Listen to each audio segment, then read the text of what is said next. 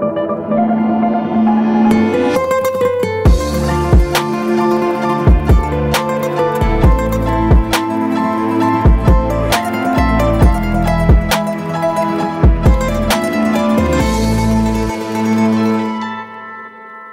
og velkommen til eh, Gangsterpodden. Mitt navn er som alltid Jim Fosheim.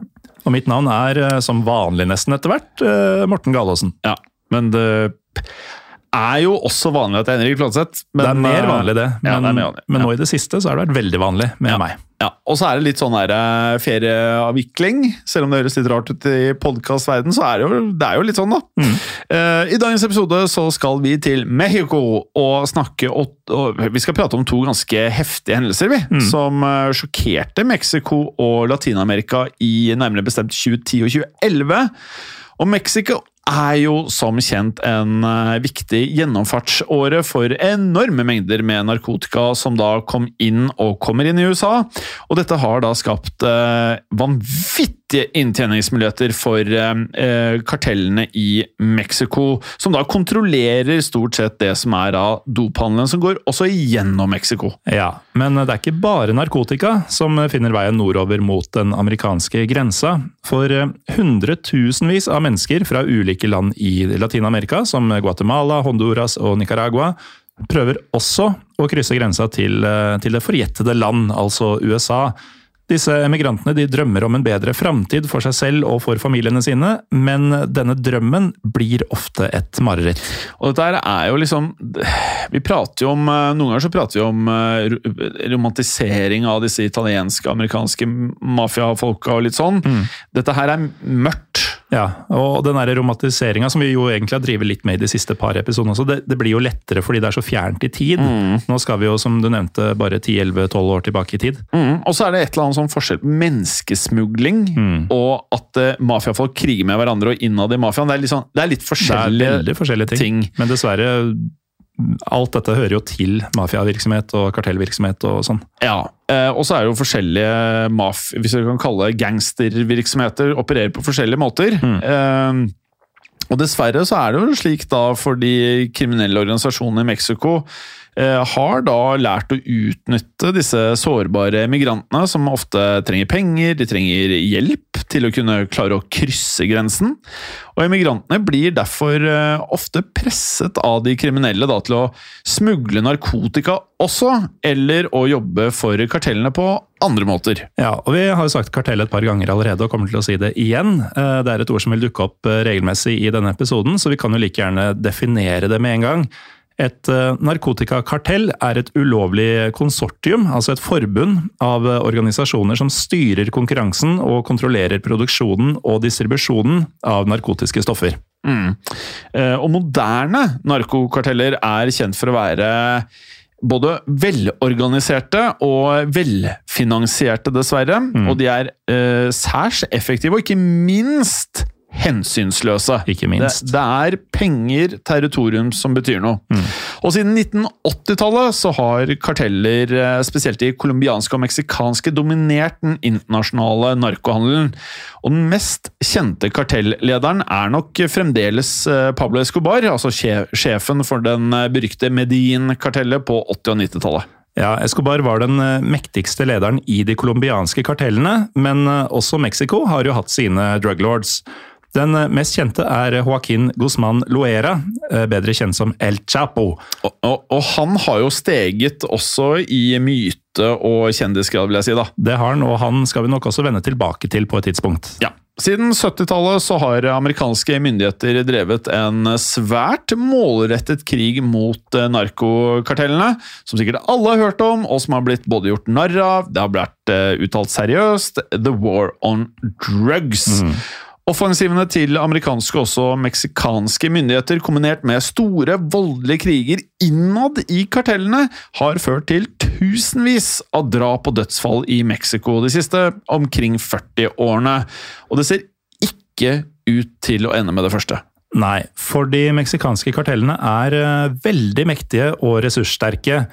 Et eksempel på det er at eh, hele 90% av all kokain som smugles inn i USA, er kontrollert av kartellene i Mexico. Utrolige tall. Mm. Og de ulike kartellene kjemper en blodig kamp om, som du nevnte, Jim, territorier og inntekter. I tillegg til narkotikasmugling så driver kartellene med attentater, med menneskehandel, med prostitusjon, utpressing, kidnappinger og andre kriminelle aktiviteter. Ja, og to av de største meksikanske kartellene er Los Zetas og Gulf-kartellet. Og disse spiller en eh, stor rolle i historien vi skal fortelle i dag. Men det er Los Zetas-kartellet som spiller hovedrollen, eh, med svært negativt fortegn. For det er eh, mørke saker vi skal inn i. Men la oss da først starte med en kjapp introduksjon, kanskje, da, av Los Zetas, Gallosen. Ja, Los Zetas er spesielt kjent for sine brutale og voldelige skremselstaktikker, med halshugging, tortur og vilkårlige mord. Organisasjonen er basert i eh, Nuevo Laredo i starten, eh, staten eh, Tamaulipas, rett over grensa fra Laredo, Texas. Og Los Zetas oppsto faktisk relativt seint, på slutten av 1990-tallet da soldater fra den meksikanske hæren deserterte og begynte å jobbe som leiesoldater for Gulf-kartellet. Men i februar 2010 så brøt Los Zetas ut og danna sin egen kriminelle organisasjon i direkte konkurranse med nettopp Gulf-kartellet. Og Det er helt riktig, det. Eh, og med det så bringer vi oss videre til dagens eh, hovedtema. For eh, på sommeren, altså samme år i 2010, så utførte Los Zetas en jeg vet ikke hva som er riktig beskrivelsene, eh, men en grufull massakre i en landsby nær den amerikanske grensen. Landsbyen het El Husachal, eller Husachal, som lå i kommunen San Fernando. Ja, og Bakgrunnen for denne massakren var den tidligere nevnte migrasjonsstrømmen fra Latin-Amerika til USA. For øh, menneskene som reiser nordover, er svært utsatt for kidnapping fra organiserte kriminelle grupper som Los Zetas. Kidnapperne holder ofrene fanga i safehouses i flere dager, inntil slektninger av ofrene i USA eller hjemme samler inn penger for å frigjøre fangene. Ja, og Los Zetas de torturerer også ofrene, og mange har eh, sett mennesker bli drept foran øynene deres for å da rett og slett ikke betale disse løsepengene. Voldtekt er dessverre veldig vanlig på eh, emigrantenes eh, reise, eh, og smuglere har da rådet kvinner til å ta prevensjonsmidler før de starter reisen. Altså det, det er liksom sånn Du skal forvente å bli voldtatt. Altså det er så hardt, mm. ass. Mm. Likevel så, altså, så desperate de må være. Altså, til tross for alt dette ja. som de veit, og at de får det rådet i forkant. Ja, men de gjør det for det. Ja. Uh, ja, det er mørkt. Og Emigrantene de blir jo da utnyttet på verst tenkelig vis. Altså, det føles nesten ut som at det er kun fantasien som setter stopper for alt eh, driten. Ja, og mange av de involverte i kartellene har mye drøyere fantasi enn det du og jeg har, for å si det sånn. Ja, eh, så det at eh, emigrantene blir slått og utpresset eller eh, misbrukt Eh, det er på en måte toppen av isfjellet. Mm. Og som vi skjønner, så er disse emigrantene totalt hjelpeløse og enkle ofre for Losetas og andre karteller. Så kidnappinger og utpressinger har blitt en stor og underrapportert inntektskilde for de kriminelle ved den amerikanske grensa, og flere ganger har denne typen kidnappinger ført til store tragedier med massedrap. Men Massakren i San Fernando sommeren 2010 var den største av sitt slag hittil i Mexico. Det stemmer det, Morten. Det hele begynte 22.8.2010. og Da var det en buss med over 70 emigranter som var på vei gjennom den nordmeksikanske provinsen Tamalipas. Klokken var omkring ti om kvelden, og bussen hadde kurs mot den amerikanske grensen da en konvoi med tre trøkker om, eh, rett og slett omringet bussen og presset bussen av veien. Deretter ble emigrantene tvunget ut av bussen, der eh, bevæpnede menn fortalte dem at eh, de nå var tatt til fange av Los Zetas. Fangene ble så ført til et lager på en øde ranch, der emigrantene én etter én ble lagt ned på kne og plassert mot en vegg. Los Zetas-soldatene prøvde å presse emigrantene for løsepenger, men de fattige mennene og kvinnene hadde jo ikke de pengene de trengte til å betale. Nei, da forsøkte Losetas å tvinge migrantene til å jobbe som leiemordere for eh, Losetas. Da, altså. Og emigrantene ble fortalt at eh, de ville få over 1000 amerikanske dollar hver femte dag som lønn. Men alle emigrantene gjorde rett og slett motstand og nektet å bli en del av Losetas.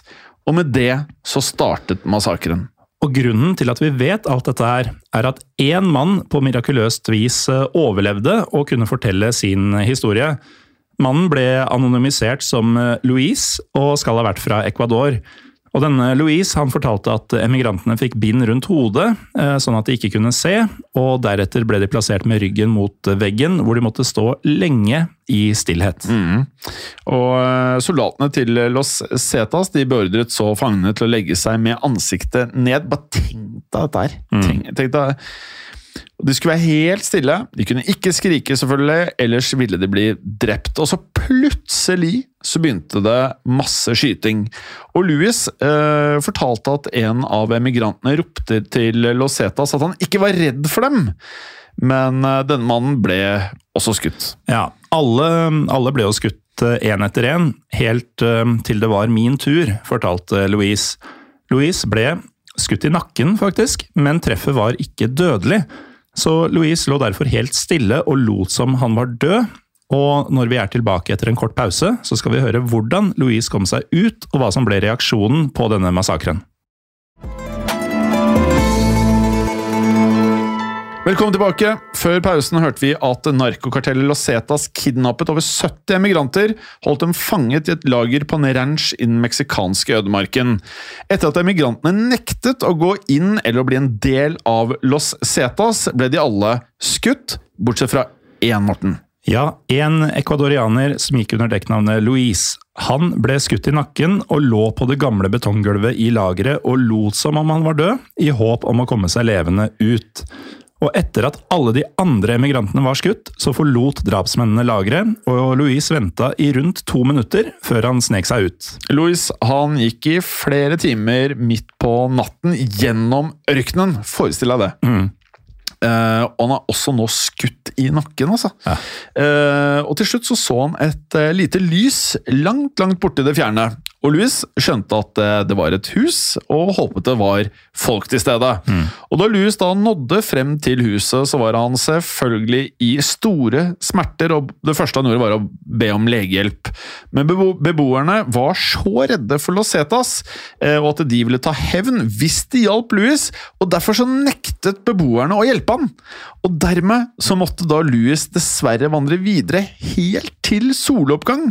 Og rundt klokken seks om morgenen så han til slutt en eh, tropp med meksikanske soldater og ba dem om hjelp. Og da hadde Louis vandret Han var skutt. Han var i ørkenen. Han hadde vandret nå i 22 kilometer. Ja, altså En gang til. Han går gjennom ørken, gjennom hele natta. Han er skutt i nakken, som du sier. Han han får ikke hjelp! Nei, altså, tenk når du ser en mållinje, da, som det første huset må ha vært. Tenker sånn, jeg må bare komme meg dit, og så kan det ordne seg. Og så går ikke det, og du må bare fortsette. Altså, tenk Altså, Så da må du nullstille deg mentalt og bare kjempe hvert skritt. Føles som en kamp. Vi har snakka i mange episoder av eh, de forskjellige historiepodene våre om mm. det enorme overlevelsesinstinktet mange har utvist, og Louise her, han har et seriøst overlevelsesinstinkt. Um, Han fortalte da soldatene at det var mer enn 70 lik på denne ranchen, og at noen av de drepte var gravide. Og Blant de drepte var det nemlig 14 kvinner, i tillegg til da 58 menn. Og Louise han ville vise politiet hvor likene var, men eh, først så trodde ikke myndighetene på Louise. De frykta nemlig at det hele var en felle, for Losetas hadde tidligere lokka politiet inn i bakholdsangrep på denne måten. Men eh, det var én som trodde på Louise, en militæroffiser, og han ledet en spesialtropp til ranchen, der eh, likene angivelig skulle være. Og da troppen ankom området med helikopter og kjøretøy, så ble de beskutt av medlemmene av Loseta, som da bevoktet området. Og skytingen den varte i, eh, he, altså over flere flere timer, nærmere bestemt hele dagen. Eh, og det meksikanske militæret måtte til slutt trekke seg tilbake om natten for å unngå et eh, mulig bakhold. Ja, Så dagen etter så kom det meksikanske militæret tilbake med mer personell og ammunisjon. Én meksikansk soldat og tre menn fra Los Zetas ble drept i kampene, før militæret raida ranchen og oppdaga de 72 likene. Noen av de gjenværende Los Zetas-soldatene ble satt i håndjern og fikk bind for øynene, men et ukjent antall gjerningsmenn kom seg unna. Ja, eh, Blant annet så beslagla militæret over 20 rifler, eh, over 100 ammunisjonsstykker, eh, skuddsikre vester, kamuflasjeuniformer, kjøretøy var på ranchen, og myndighetene fant også en replika av en lastebil brukt av nettopp det meksikanske militæret. Hmm. Slik at uh, dette her viser jo litt hvor, hvor mye power disse kartellene har. Ja. Og nyheten om massakren ble ikke offisielt kjent før senere samme natt, siden ranchen lå langt utpå landsbygda, og fordi området var rett og slett utrygt. Ja, og selv om San Fernando-massakren ikke var den første av sitt slag i Nord-Mexico, så var omfanget og brutaliteten på et enda verre nivå enn før. Kondolanser strømma inn fra hele Sør- og Latin-Amerika, og det ble tatt til orde for å trappe opp kampen mot kartellene og øke beskyttelsen av emigrantene. Ja, og Meksikanske myndigheter de knyttet massakren til krigen mellom Los Zetas og Gulf-kartellet, ettersom begge kartellene trengte penger og rekrutter for å klare å kjempe mot hverandre. Så meksikanske politikere de lovet da å jobbe langt mer intensivt og mer effektivt for å prøve å svekke kartellene.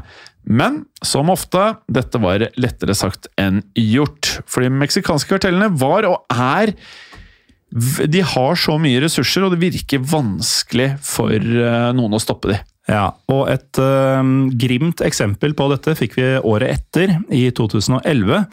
Kartellene de fortsatte nemlig å stoppe busser og kidnappe både emigranter og vanlige meksikanere for løsepenger. Og mellom 24. og 29. mars, altså i 2011, ble flere langdistansebusser kapra og over 100 mennesker tatt til fange av Los Zetas, også denne gang i San Fernando-området.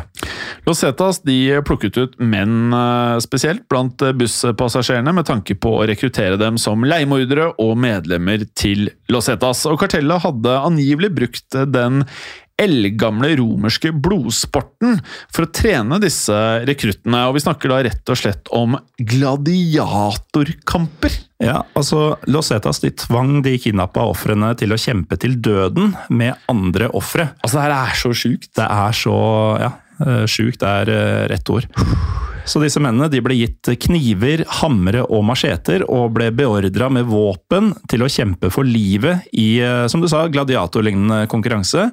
Og vinnerne ble beordra til å gå på selvmordsoppdrag ved å skyte mot rivaliserende kartellmedlemmer i området. Altså det er sånn, Jeg har sett mye sånne ville ting i filmer og sånn, og man tenker sånn Ja, skjer det, liksom? Mm. det, her er, det her er heftig, altså. Ja, det er Jeg kan, det- dette er den heftigste episoden eh, jeg har spilt inn av noen podkast? Nei. Nei. Men av gangstbånd i Storbånd i Storbånd verdenskrig. Synderne er Der er det mye heavy. Ja, men det, er- det er genuin, ekte ondskap. Mm, mm, det er beinhardt. eh, og det er liksom derre virker ikke som han er menneske lenger. Mm.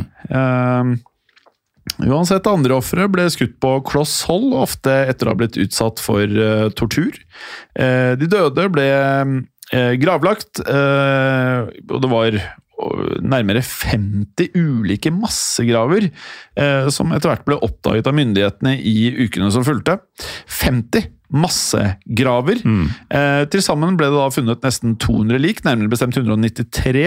Og mange av likene som ble funnet i massegravene, hadde eh, Det var mye som tydet på ekstrem vold, eh, og også spesielt stump vold. Ja. Og meksikanske myndigheter de var ikke sikre på hvorfor Lasetas bestemte seg for å bortføre folk fra busser og deretter torturere, myrde og begrave dem. Men eh, myndighetene antok at Losetas kan ha tvangsrekruttert passasjerene som fotsoldater for organisasjonen, i tillegg til å holde dem for løsepenger eller presse dem ut før de dro inn i USA. Men eh, noen drapsmenn tilsto at de da bortførte og drepte passasjerene fordi de rett og slett eh, fryktet deres eh, rivaler, altså Gulf-kartellet, eh, og at de skulle få forsterkninger fra andre steder i Mexico. Og en av Zetas sine ledere tilsto at Heriberto Lanzcano, den øverste lederen av Los Zetas, hadde beordret etterforskningen av alle busser som kom inn gjennom San Fernando, og at passasjerenes mobiltelefoner, tekstmeldinger, alt skulle undersøkes. Eh, alt rett og slett for å finne ut om de var en del av Gulf-kartellet eller ikke. Etter massakren så flykta over 10 000 innbyggere fra San Fernando til andre deler av Mexico og til USA for å unnslippe volden og frykten. Den meksikanske regjeringa svarte med å sende 650 soldater til San Fernando og etablere en militærbase i kommunen. Troppene overtok oppgavene til politistyrken i byen og satte i gang sosiale programmer for å redde lokalsamfunnet. Det er mer eller mindre en krig, da. Det er jo det. Krig mot uh, drugs og andre ting. Uh, Og I tillegg så ble totalt uh, 82 Los Zetas-medlemmer arrestert sommeren 2011. Det føderale politiet klarte også å arrestere en Edgar Huerta Montiel alias El Waje, en høytstående løytnant i Los Cetas. Montiel var hovedansvarlig for den første massakren. Montiel var uh, Dessuten sjefen til Martin Estrada Luna, alias El Kilo, som da eh, var en av hovedgjerningsmennene i den andre massakren i San Fernando. El Kilo ble også arrestert, men eh, mange av de andre lederne i Los Zetas eh, ble rett og slett ikke tatt. Ja, og i 2012 så senka roen seg eh, langsomt over San Fernando igjen, og flere av innbyggerne som hadde flykta, kom faktisk eh, tilbake. Men området er fremdeles sterkt prega av krigføringa mellom kartellene, som eh, fortsetter som aldri før. Og vi eh, kommer nok eh, til å vende tilbake til Mexico ved flere anledninger, Jim. Ja, men øh, alt vi har spilt inn, og alt vi spiller inn i denne podkasten, er jo liksom innenfor gangstertema. Men det føles som to forskjellige podkaster. Dette her, å prate om en sånn derre eh, halvkorpulent eh, italiensk mafiaboss som liker å spise biff med hvit ris. ja, og, ja, det er Mm. to eh, Det er veldig forskjellig. Det er veldig forskjellig. Eh, la oss takke for i dag. Ukens gangsterlåt er Perros med den meksikanske eh, rappgruppen Cartel de Santa. Passende nok. Du finner sangen i eh, Gangsterpodden på Spotify, altså spillelisten vår. Eh, Podkasten, for de av dere som lurer hvor alle episodene til Gangsterpodden nå er, de er nå i en app som heter Untold, som er moderne media sin egen app. Og nei, vi skal ikke flytte gangsterpoden over til noen ny, ny betalingsapp. Alt forblir i Untold. Ja. Der eh, skal den sove med fiskene. Men den skal holde det gangster. Ha det bra.